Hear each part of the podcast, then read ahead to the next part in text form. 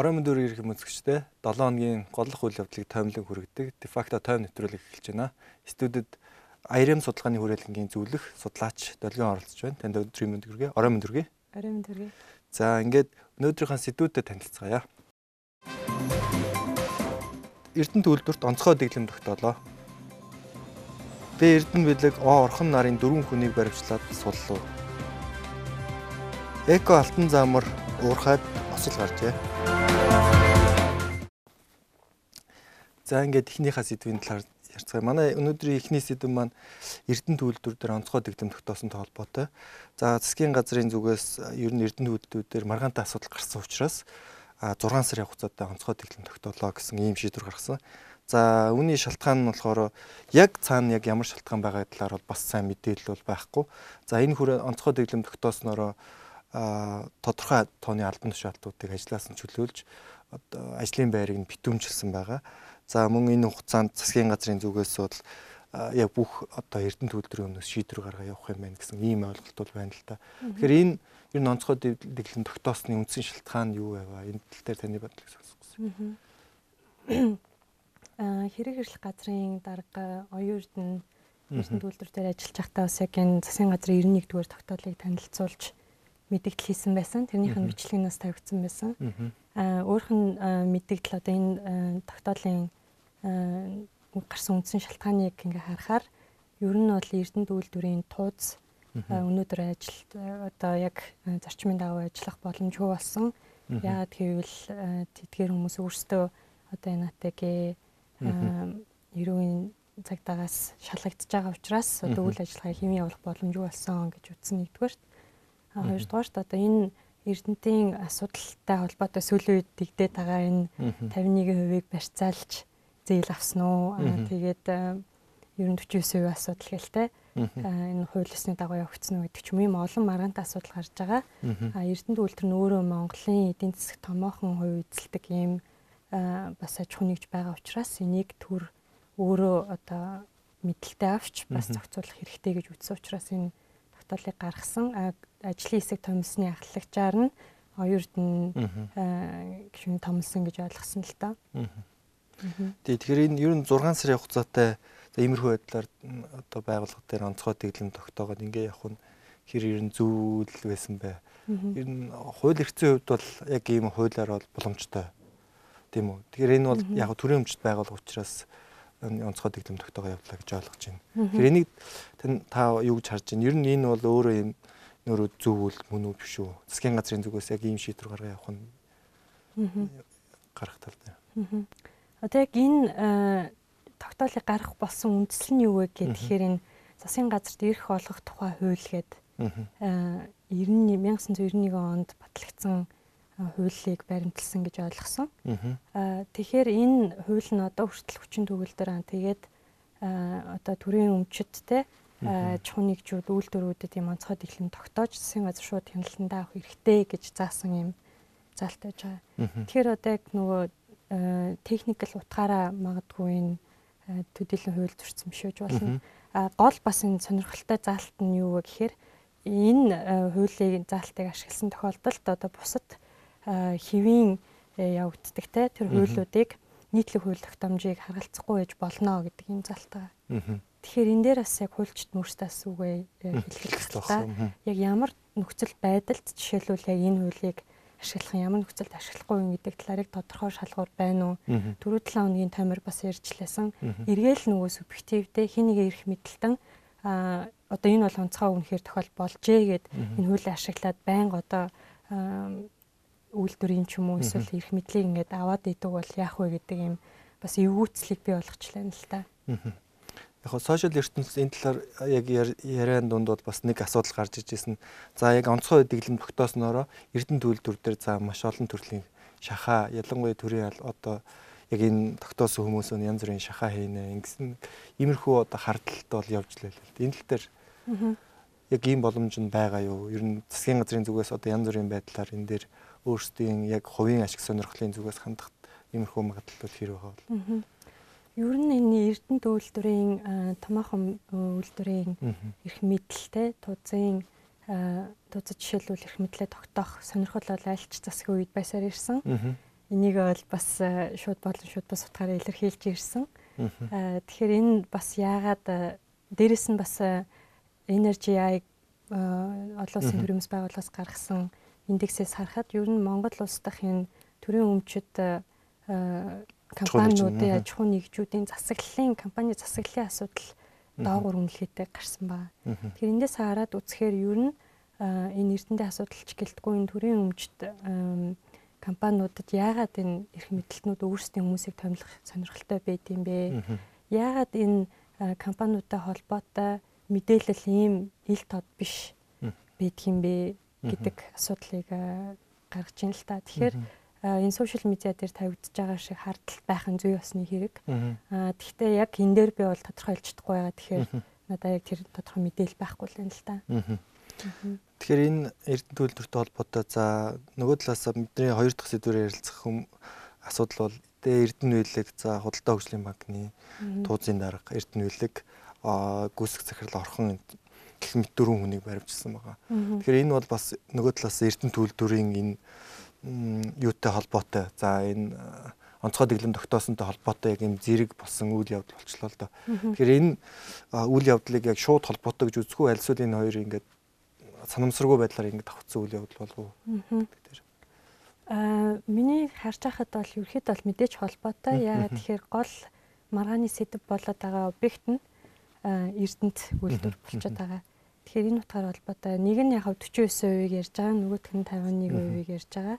Аа тэгвэл тэр засгийн газрын тогтоол гаргахтаа зөвхөн 40-с 51 гэж тусгаалan гаргаагүй.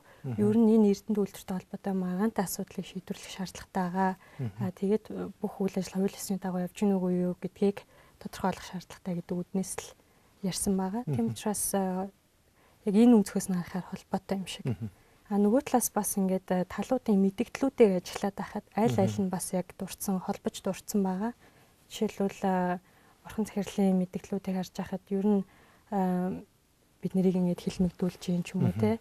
Нэр хүндэт маань халдж гин гэдэг талын эрдэнтийн асуудлаас болоод гэдэг энэ мэдгдлийг хийсэн байж байгаа. Нөгөө талаас бас яг энэ улсын хурлын нэр бүхий гişүүдийн хийсэн мэдгдлээс ч гэсэн бас л шууд ингэж холбож ярьсан мэдгдлүүд байна л та. Энэ бүхнийг ингээ нэгтгээд харахаар ер нь бол энэ асуудлууд хоорондоо холбоотой л. Холбоотой гэж харагдаж байна. Тэгэхээр зүгээр ер нь цаашдаа энэ эрдэнэ үйлдвэрийн асуудлыг ер нь яаж шийдэгдэх байх гэж ер нь судлаачийн хувьд харж байна. Зүгээр ер нь компани засаглалын хувьд за манайх шиг яг энэ одоо засаглалтай оронд одоо төрийн бай компаниуд ер нь ямархуу засаглалаар явбал ер нь цаашдаа илүү одоо зүв байх уу, нээлттэй ил тод байх уу, хариуцлагатай байх уу гэдэг хэл дээр. Одоо эндээс авж байгаа ганц сургамж нь бид нэр одоо олон нийтийн хувьд юу иргэний нэгэн байгууллагын хувьд юу авах вэ гэхээр түрүүчийн хэлсэнчлэн энэ төрийн өмчт байгууллагуудын компани засаглалын асуудлыг маш ойрхоноос харж анхаарахгүй бол болохгүй болжээ гэдэг нэгдүгээр харагдаж байна. Өнөөдөр Эрдэнэ дээр гарлаа. Өөр дараа нь одоо бусад ямар байгууллагуудыг гараад бид нэр бас ийм тодорхойгүй ийм нөхцөл байдалд ороо сууж байгааг мэдэхгүй. Тэгэхээр хамгийн түрүүнд хүлээж байгаа үйлдэл юу гэхээр засгийн газраас улсын хурлаас иймэрхүү дахиад асуудал гарахгүй тул ямар арга хэмжээ авах юм бэ гэдэг төлөвлөгөөгөө танилцуулах хэрэгтэй олон улсын байгууллагуудаас бол удаа дараа байнгын одоо энэ уулуурхайн засаглалтай энэ төрийн өмчийн компани засаглалын талаар маш олон зөвлөмжүүдийг өгж ирсэн. Төрийн бас байгууллагууд ч гэсэн өөрсдөө энэ зөвлөмжүүдийг бас байн гаргаж ирсэн. Тэгэхээр эдгээрийг бас нэг бүрчлэн алийг авах уу авахгүй юу гэдээ явах хэрэгтэй. Аа энэ дундаа бас хамгийн түрүүнд авч хэрэгжүүлмээр байгаа юм нь юу гэхээр эцсийн ашиг шимүртгчдийн тухай тодорхойлтуудыг ил болгомоор байна. А энэ дотор улс төрийн нөлөө бүхий этгээдүүд гэдэг бас өөр ойлголт байгаа. Энэ ойлголтуудыг тодорхой болгомоор байна. Ашиг сонирхлын зуршлийн тухай хуулийнхаа хэрэгжилтийг чангатгахмаар байна. А яг энэ олон нийтэд ил тод тайлагнах дээр сайжрамаар байна. Би бас өнөөдөр ирэхээс өмнө яг энэ Эрдэнэ төлөвлөр ХХК Монгол Светмед ХХК-гийн вебсайт руу ороод яг тузын гişүүд нь хэн байна, шилэн данс тэг санхүүгийн юм ил тод байдлаа хангаж үгээ харахад огт бүх мэдээллүүд нь хоосон баг жишээтэй. Ингээд өөрөө эдгээр компаниуд нь Монгол улсын энэ те ил тод байдлын тухай хуулиа зөрчөөд байж хахад бусад одоо хувийн хөвшил ч юм уу те эсвэл өөр байгууллагуудыг бизнесийн ёс зүйтэй бай гэхэд үлгэр дуурайл болж чадахгүй л юм л да. Зөв зөв. Тэгэхээр одоо Эрдэнэ төлөвлөрийн одоо томоохон ер нь гол гол алтан тушаалууд дээр байгаа хүмүүсийг ажлаас нь дөө. Тэгэхээр энэ энэ маягаараа Эрдэнэ төлөвлөр доктортой одоо ингээд үйл ажиллагаа нь явах болов альсвал одоо ингээд би зөксөлтийн байдал руу орчих уу яа гэдэг дээр. Яг уу яг засгийн газраас өгч байгаа мэдээллийг харахаар бол энэ бол зөвхөн онцгой бай онцгой одоо дэглэм тогтоосноор зөвхөн санхүүгийн шалгалт хийх гэж байгаа маа. Үйлдвэрийн өдөр тутмын үйл ажиллагаанд бол нөлөөлөхгүй гэж хэлсэн байгаа. Аа тэгвэл өмнө нь бас болж исэн үйл явдлуудыг жишээлбэл 90 78 онд болжсэн үйл явдлуудыг харахаар үйлдвэр дээрс нэлээ хэсрэг үзэл гарч ирсэнтэй ажилчдын зүгээс бас л нөгөө эрх мэдлийн ийм яг хинэн алийг авах вэ гэдэг тодорхойгүй байдлууд үүсчихсэн. Тэгэхээр ийм нөхцөл байдлын үүсэх бас үгүйсэхгүй л дээ. За. За ингээд манай нэвтрүүлгийн 2 дахь сэдв рүү оръё. За манай нэвтрүүлгийн 2 дахь сэдв бол за өмнө өмнөх ихний сэдвтэйгээ бол холбоотой. За Mongolian Corporation гэдэг компани байгаа. За энэ компани бол Эрдэнэ үйлдвэрийн 49%-ийг авсан. За энэтэй холбоотойгоор худалдаа хөгжлийн банкны удирдах зүйлийн дарга Эрдэнэ үйлэг гүйцэх захирал орхон. За Mongolian Corporation компани захирал инх төвшин гэдэг нийлээ дөрвөн хүнийг бол өнгөрсөн 7 хоногт баривчилсан. За энэ бол мэдээж хэвлэл мэдээллийн хэрэгслээр маш их мэдээлэлүүд гарсан. За удалгүй нэг хоногийн дараа буцаагаад сулсан байгаа. За сулсан шалтгааны болохоор ер нь бол шүүхийн шийдвэргүйгээр баривчилсан гэдэг нэг ийм мэдээлэл байлаа. Тэгэхээр ер нь анханасаа яах гэж шүүхийн шийдвэргүйгээр ингэж сүрдүүлэнтэй баривчлах болов. Энэ тал дээр таны байр суурь. А бас л одоо Э, одоо энэ талаар би зөвхөн мэдээлэл хэвлэл мэдээллийн хэрэгслэр л авж байгаа. Тэгэхээр яг хэвлэл мэдээллийн хэрэгслэр яг үнэн бодиттой мэдээлэл цэцэж байгаа юу, их сурвалж найдвартай юу гэдэгт бол хэлж чадахгүй. Аа ямар ч ингэ харж байхад одоо АТГ эрүүгийн цагдаагаас одоо хийсэн тэр мэдээлэлээс харахад одоо баривчлах шийдвэр явал шүүхэд өгсөн гэж гिचсэн ч гэлээ өгсөн ч гэлээ одоо ийм мэдээлсэн тодорхой. Тэгтээ ажлын цаг дууссан учраас одоо тэр нь яг хүрээгүй байсан гэдэг ч юм уу нэг иймэрхүү ойлгомжгүй процедурын шинжтэй тайлбаруудыг айл айл талаасаа өгөөд ингээд явцсан байсан. Тэгэхээр энэ дээрээс юу харагч юм гэхээр дахиад нөгөө төрүүжин асуудалтай холбоотой эргээд яг энэ бүх аливаа нэгэн шийдвэр гаргах те хөл бүтэн хүнийг Э, баривчлах, судлах энэ асуудлууд зүгээр л ийм э, шоуны шинжтэй. Яг энэ э, тогтсон хууль ёсныхоо дагуу явагдахгүй аль аль талаасаа тий. Эндээс одоо яг шүүхэн ч үний хэлж байгаа мó, цагдаан ч үний хэлж байгаа мó гэдгийг одоо иргэд бид нар бол мэдхийн аргагүй ийм тал талын мэдээлэлүүд явж байгаа болоод байна л та.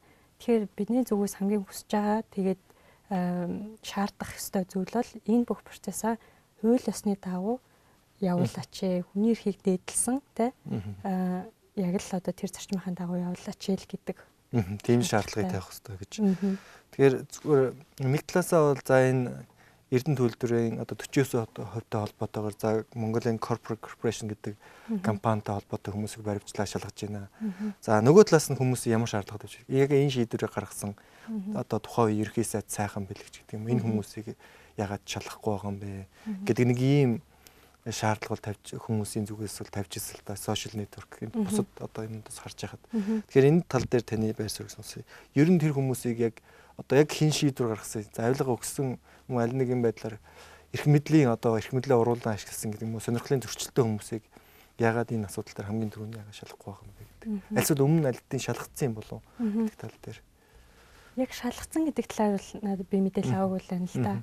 А ямар ч сан бид нар юу мэдж байгаа гэхээр энэ гол одоо энэ түрүүчийн хэлсэн хүмүүсийг баримтлах болсон шалтгаан нь энэ Эрдэнтийн 49%-ыг Оросын талаас одоо Монголын талд шилжүүлсэн үйл явц нь өөрөө хууль ёсны дагуу байсан уугүй юу? Энэ нь мөнгө угаалттай холбоотой. Мөнгө угаалт, лөөврийн хэрэг гэсэн тийм хэрэгтэй холбоотой юу үгүй юу гэдгийг тодруулах зорилгоор л э, ийм ажиллагаа явуулсан гэж ойлгосон. А тэгэхээр яг түрүүчийн юутай холбоотойгоор э, засгийн газрын хуралдааны протоколуудыг бол ил болгоцсон байгаа шүү дээ тий. Өмнө нь нууцлалын зэрэгтэйсэн бол одоо ил болгоцсон. Эндээс яг ямар хэрвээ энэ протокол нь үнэхээр одоо зөв үнэн зөв бол яг холбогдох хүмүүсийн нэр ус яг шийдвэр гаргасан процесс нь тодорхойлж тодорхой болж байгаа. Тэгэхээр энэ эргээд бас шүүх процесс одоо юу гэдэг энэ бүх хяналт шалгалтад бас нэг нэмэлт нотлохоо баримт болж байгаа. А ийм нотлохоо баримт болж эхэлсэн учраас бас дахиад дараачийн одоо кейсүүд эхлэх ч юм уу те. Дараачийн шалгалтууд эхлэх болцол болох болов уу гэж бодож байна л да.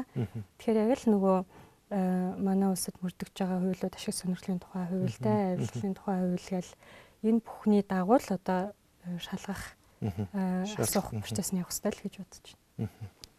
Тэгэхээр ер нь яг энэ за энэ яг энэ эрхтэй холбоотой зүгээр ер нь хэвлэл мэдээлэлээр хамгийн их шүүгсэнд бол Эрдэнэ бэлэг гэдэг хүний тухай л да. Эрдэнэ бэлэг гэдэг хүнийг өмнө нь бол хүмүүс тэр болгон ер нь хараагүй.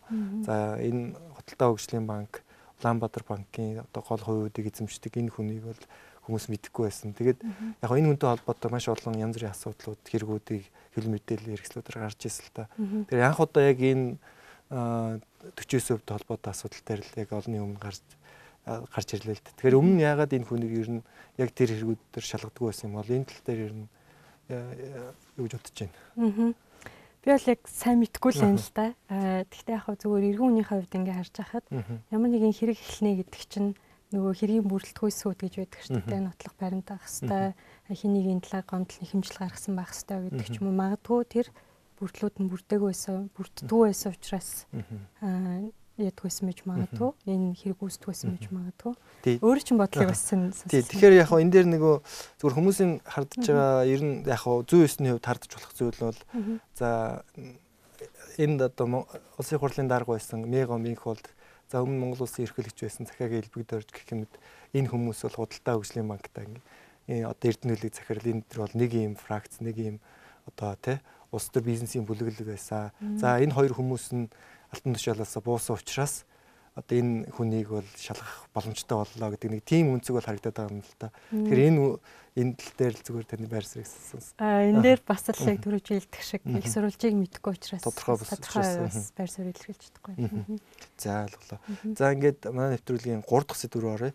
За өнгөрсөн 7 хоногт за ер нь бол энэ өнгөрсөн 7 хоногт биш баг одоо нэг 12 хоногийн өмнө болсон үйл явдал бол. Аа Төв аймгийн Заамар суманд байдаг эко алтан заамар гэд уул урахад осол болоод за энэ бол ер нь бол хөрс цөмөрсөн гэдэг ийм зүйлүүд хэл мэдээлэл хэрэгслүүдээр бичигдсэн байлээ. А тэгээ нийтдээ ер нь бол дөрвөн хүний ам өргөцсөн. Тэгээд мэрэгжлийн хяналтын газраас бол ослын шалтгааныг тогтоосон ч гэсэн прокуророос энэ бол олон нийтэд зарлах ч гэдэг юм уу энэ юуг бол одоо хаацсан байгаа лээ өгөөгөө байгаа лээ зөвшөөрлөнд өгөөгөө байгаа лээ тэгэхээр зүгээр хүмүүсийн зүгээс маш их хардталтай байна л да. Энэ алтны уурхай тэр болсон энэ хэргийг яагаад энэ хөвл мэдээллийн хэрэгслүүд чангалтай ярихгүй байна? Ус төрчнөр одоо шийдвэр гаргагч нар маань ерөөс анхаарахгүй ингээд ингээд орхичод байна. Энэ хэргийн цаана ямар нэгэн асуудал байна уу? Ер нь энэ алтны уурхайтай холбоотой одоо хариуцлагатай уулуурхай хэрэгжүүлэх тал дээр ямар ямар асуудлууд байна энэ талаар ярилцъя байлаа. Энэ талаар бол хэлэх юм бас нэлээх байна л да. Зүгээр цар хүрээний хувьд тоо зүгээр аваад үзэхээр шүүхээр жил дунджаар 50-аас 60 одоо энэ хөдөлмөрийн аюулгүй байдалтай энэ осолтой холбоотой асуудал ордог. Тэгээд тодорхой хэмжээнд шийдвэрлэгддэг. Тэгэхээр энэ бол зөвхөн саний хэрэг дээр гарсан биш ерөн жилд ингээд нэлээд их ийм хэрэг гардаг харагдчихлаа л та. Шүүхээр орж байгаа нь юм байна. Ороогүй бас тэр тэрүүгээр зохицуулаад явж байгаас хичнээн хэрэг байгааг бид нар мэдэхгүй. Аа тэгээд яг одоо энэ хариуцлах яг энэ шүүхийн шийдвэрийг харахаар одоо мэрэгчлүүд нь юу юу гэж ярьж ийнвэ гэхээр голчлон тухайн компани одоо барилгын компани ч юм уу эсвэл уулуурхайн компани ч юм уу гүйцэтгэх захиралт эсвэл инженер те хөдөлмөрийн аюул байдлаа хариуцсан инженерт нь хариуцлага хүлээлгээд ингээд өнгөрдөг. Тэгэхээр энд ямар асуудал үлдэж гинэ вэ гэхээр тэр уурхайг ажилуулад ашиг хүртэж байгаа эзэн яагаад энд нэг ч хариуцлага хүлээхгүй байгаа юм бэ гэдэг асуудал номер 1 тавигдах хэвээр. А эзэн ямар нэгэн хариуцлага хүлээхгүй байна гэдэг чи эргээд тэр уулуурхай тухайн магадгүй зөвхөн тухайн лиценз жишээлбэл цуцагтлаа гэхэд тэр компани чинь дахиад өчнөө олон газар лицензтэйгаа тий тэр асуудал үргэлжилж ил байна. Дахиад сайжрах арга хэмжээ авахгүй байна. Тэгэхээр дахиад хүн хүний аим эрсдэх энэ эрсдэл байсаар л байна гэсэн үг. Тэгэхээр бид нар одоо юуг ярих хэрэгтэй гэхээр энэ эзэнний хариуцлагын тухай төрүүлж хэлснээр. Тэгэхээр энэ ямар хуулиар зохицуулагдав вэ? Компанийн тухай хуулиар зохицуулагдав уу тийм үү?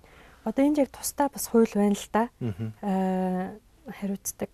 Хөдөлмөрийн аюулгүй байдлын тухай хууль гэдэг. Энэ хуулийн дээр бол юу заасан бэ гэхээр бас хэлсэн байгаа. Ер нь бол эзэн хариуцлага хүлээх ёстой гэдэг. Гэхдээ яг нөгөө шүүх шүүхээр шийдвэрлэж байгаа практик дээр бол тэгэхгүй байгаа. Байхгүй. Яагаад гэхээр одоо нөгөө эзэн гэдэг чинь гүйц захирлыг ч юм уу инженерийг ч юм уу ингээд өөрхөн үүргийг шилжүүлсэн байгаа, томилсон байгаа гэдэг утгаар нь одоо тэр үүрэг шилжүүлсэн хүмүүсийн шитгээд байдаг. А гэтэл бусад орны практикаар яадаг вэ? Гэхээр үүргээ шилжүүлсэн бол давхар эрхэн шилжүүлэх хэрэгтэй байдаг. Эрхэн шилжүүлнэ гэдэг нь юу вэ гэхээр тухайн гүйц захирлч яг хөдөлмөрийн аюулгүй байдлаа хангахад шаардлагатай санхүүгийн хүүсвэр байна уу? Яг энэ одоо санхүүгийн тэ зарцуулалт хийх боломж нь байсан уу гэдэг ч юм уу. Гэтэл манад ихэнх практик яадаг вэхээр одоо химэлт гаргаж юм ч юм уу зардлаа хэмнэж ийгээд иймэрхүү яг хүний амь настай холбоотой, аюулгүй байдалтай холбоотой асуудалтай мөнгө зарцуулахгүй эсвэл хангалтгүй зарцуулж явж хагаад эрсдэл гараар нь нөгөө хариуц өмс рүү жигдэг. Тэгэхээр бас энэ одоо эко алтан заамрын жишээн дээр ийм практик гарах үедээ гэдгээс бас санаа зовчлаа л та. Тэгэхээр яг энэ ослолтой холбоотой зүгээр ер нь үйл явцыг харж байхад Монголын төр засгийн зүгээс ер нь хэр яаж хандуу энэ дээр энэ хэрэг дээр зүгээр яг тэр хүмүүсийн амь насыг аврах боломж байсан болов уу? Ер нь энэ тал дээр яаж хандсан? Тэр тал дээр зүгээр байр суурь юу? Вэ?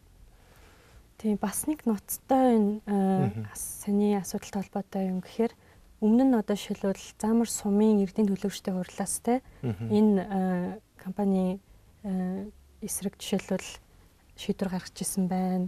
Байгаль орчин яамнаас хийсэн шалгалтаараас нөгөө урт нэртэй хууль гэдэг те зөрчсөн байна. Байгаль орчин маш хэрсдэл учруулсан байна гэж дүгнсэн байна. Мэргэжлийн хяналтын аймгийн мэргэжлийн хяналтаас ч гэсэн тогтоосон байна. Хаах сандлыг хэд удаа гаргасан байна уурхайг. А ингэсээр байтал яагаад одоо нэг ямар ч арга хэмжээ авагдаагүй вэ? Үүн үйл ажиллагаа үргэлжилсэн бэ гэдэг нэг асуудал яригдчихэж байна. Тэгэхээр яг энэ цаг үед бол жишээлбэл мэржлийн хяналт өрүүлсэн нүү дүгнэлтээ олон нийтэд хэлж чадахгүй байна гэд болохгүй байна. Тэгэхээр прокуророос гэсэн хэл битээ одоо хандаа гарах болгоогүй гэсэн учраас магадгүй энэ цаагаараа хуулийн зохицуултаар явж байгаах. Тэгэхээр энийг бол ярих гэсэнгүү гол нь яг энэ цаг үед мэржлийн хяналт ерхийн газраас олон нийтэд мэдээлэл өгж явах хэрэгтэй. Жишээлбэл яг Монголд одоо ийм эрсдэлтэй хичнээн компани байгаа юм бэ хаана хаана байгаа юм бэ? Эдгээр компаниуд дээр ямар арга хэмжээ авч байгаа юм бэ? Дахиж одоо ийм хүний амь өрсдөггүй бах те. А нэг талаас. А нөгөө талаас одоо уул уурхаан яам а тэгээд ашигт малтмал газрын тус агентлагууд жишээлбэл яг энэ тусгай зөвшөөрлийг яагаад туцлаагүй юм бэ? Энэ талаар цааш ямар арга хэмжээ авах гэж байгаа юм бэ гэдгийг мэдээлэл өгөх хэрэгтэй гэдэг ч юм уу. Ингээд эндээс харахаар төрийн байгууллагууд нэг нь ингээд хяналтаа хийцэн дүнэлтээ гаргацсан шийдвэр ингээд танилцуулсан байхад нөгөөх нь үл томсорлсон одоо ийм хэрэгжүүлэхгүй байна тийм хэрэгжүүлэхгүй дүр зураг харагдаж байгаа байхгүй нийтлэг. Тэгэхээр эндээс харахаар ер нь энэ гол хариуцсан жишээлбэл өнөөдөр ерхий сайд яагаад мэдээлэл хийхгүй байгаа юм бэ энэ дээр. Өөрөх нь хариуцж байгаа те хоёр салбарын яам нь дээр нь ийм асуудал гарсан байхад. Аа яагаад уул уурхайн сайд мэдээлэл хийхгүй байгаа юм бэ? Монголд одоо маш олон жижиг дунд уулуурхайн компаниуд байна те. Зөвхөн том компаниудаа л ярьдаг жижиг дундыгаа хийцэн байдаг те. Аа сая бол зөвхөн тэр тусгай зөвшөөрлийг цуцлах санал нь бол байгаль орчны асуудал дээр гарсан. Эргээд заамарт бол олон нийтийн эсэргүүцэл хичнээн жил явж байгаа юм лээ те. Гээд ингээд харахаар бас зөвхөн байгаль орчны биш нийгмийн энэ үр нөлөөний үнэлгээ гэдэг юм манай тэгдэхгүй энийг юусоо тоохгүй ус төрчдийн зүгээс одоо эрх мэдлнүүдийн зүгээс анхаарал хандуулахгүй байгаа гэдг нь л харагдаж байна л да.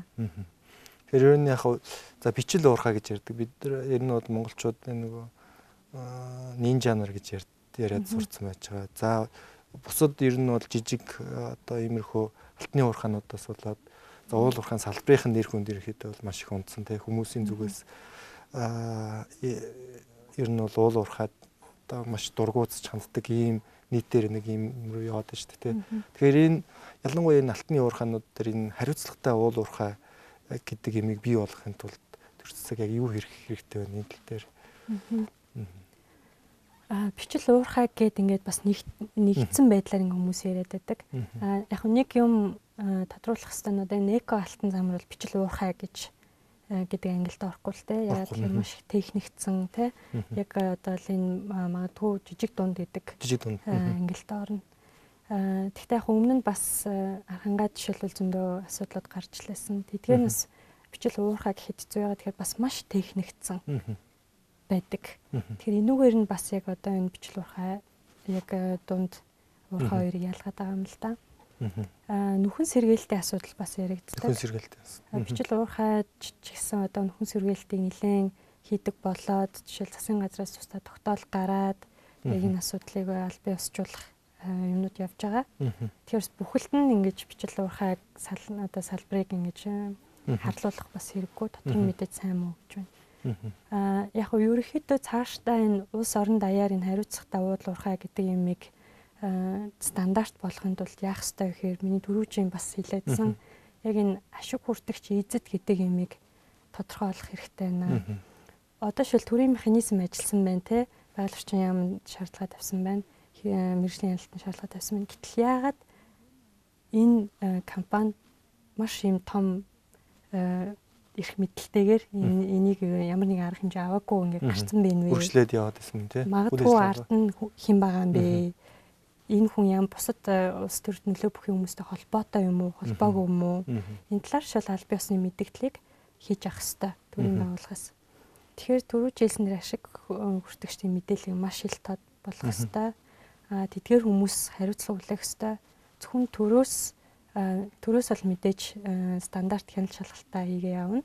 Гэхдээ ингэхдээ гол асуудал нь түрүү жилсэн одоо компани дээр засаглалынхаа хувьд энэ эрсдлээ сэргийлэх менежментийн систем байна уу гэдэг нь эрсдлийн менежмент.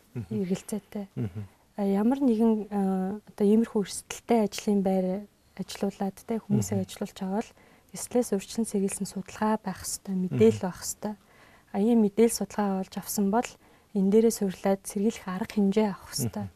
А сэргийлэх арга хэмжээ авч чадаагүй за бүр эцсийн нөхцөл байдалд ийм харамсалтай хэрэг боллоо гэхэд одоо дараа нь яах вэ гэдэг ийм арга хэмжээ тодорхойлох хэрэгтэй. Гэтэл энэ бүхэн байхгүй зүгээр л ямар нэгэн тийм дотоод засаглалтай стандартгүйгээр л үйл ажиллагаа явуулжсэн байна л да. Тэгэхээр ер нь бол яг олон улсын байгууллагууд дээр safety first гэж ярьдаг тийм үү. Аюулгүй байдал бол номер 1. За энэ бол бүр ингээд одоо бүх алтан тушаал бүх одоо төвшөндөө ингээд хандлага болоод өгдсөн байж байдаг.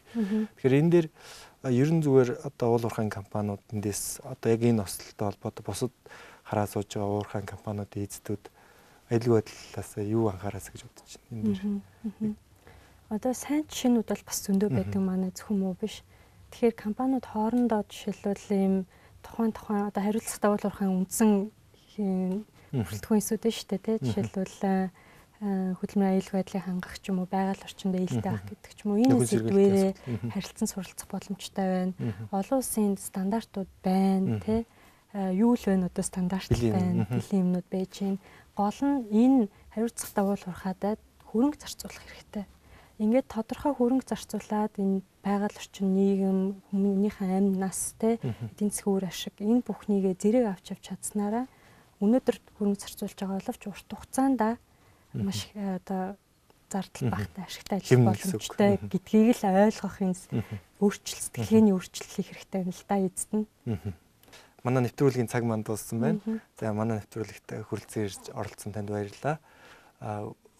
Хүлээн аван үзсэн үзэгч та бүхэнд маш их баярлалаа. Баярлалаа. За баяртай.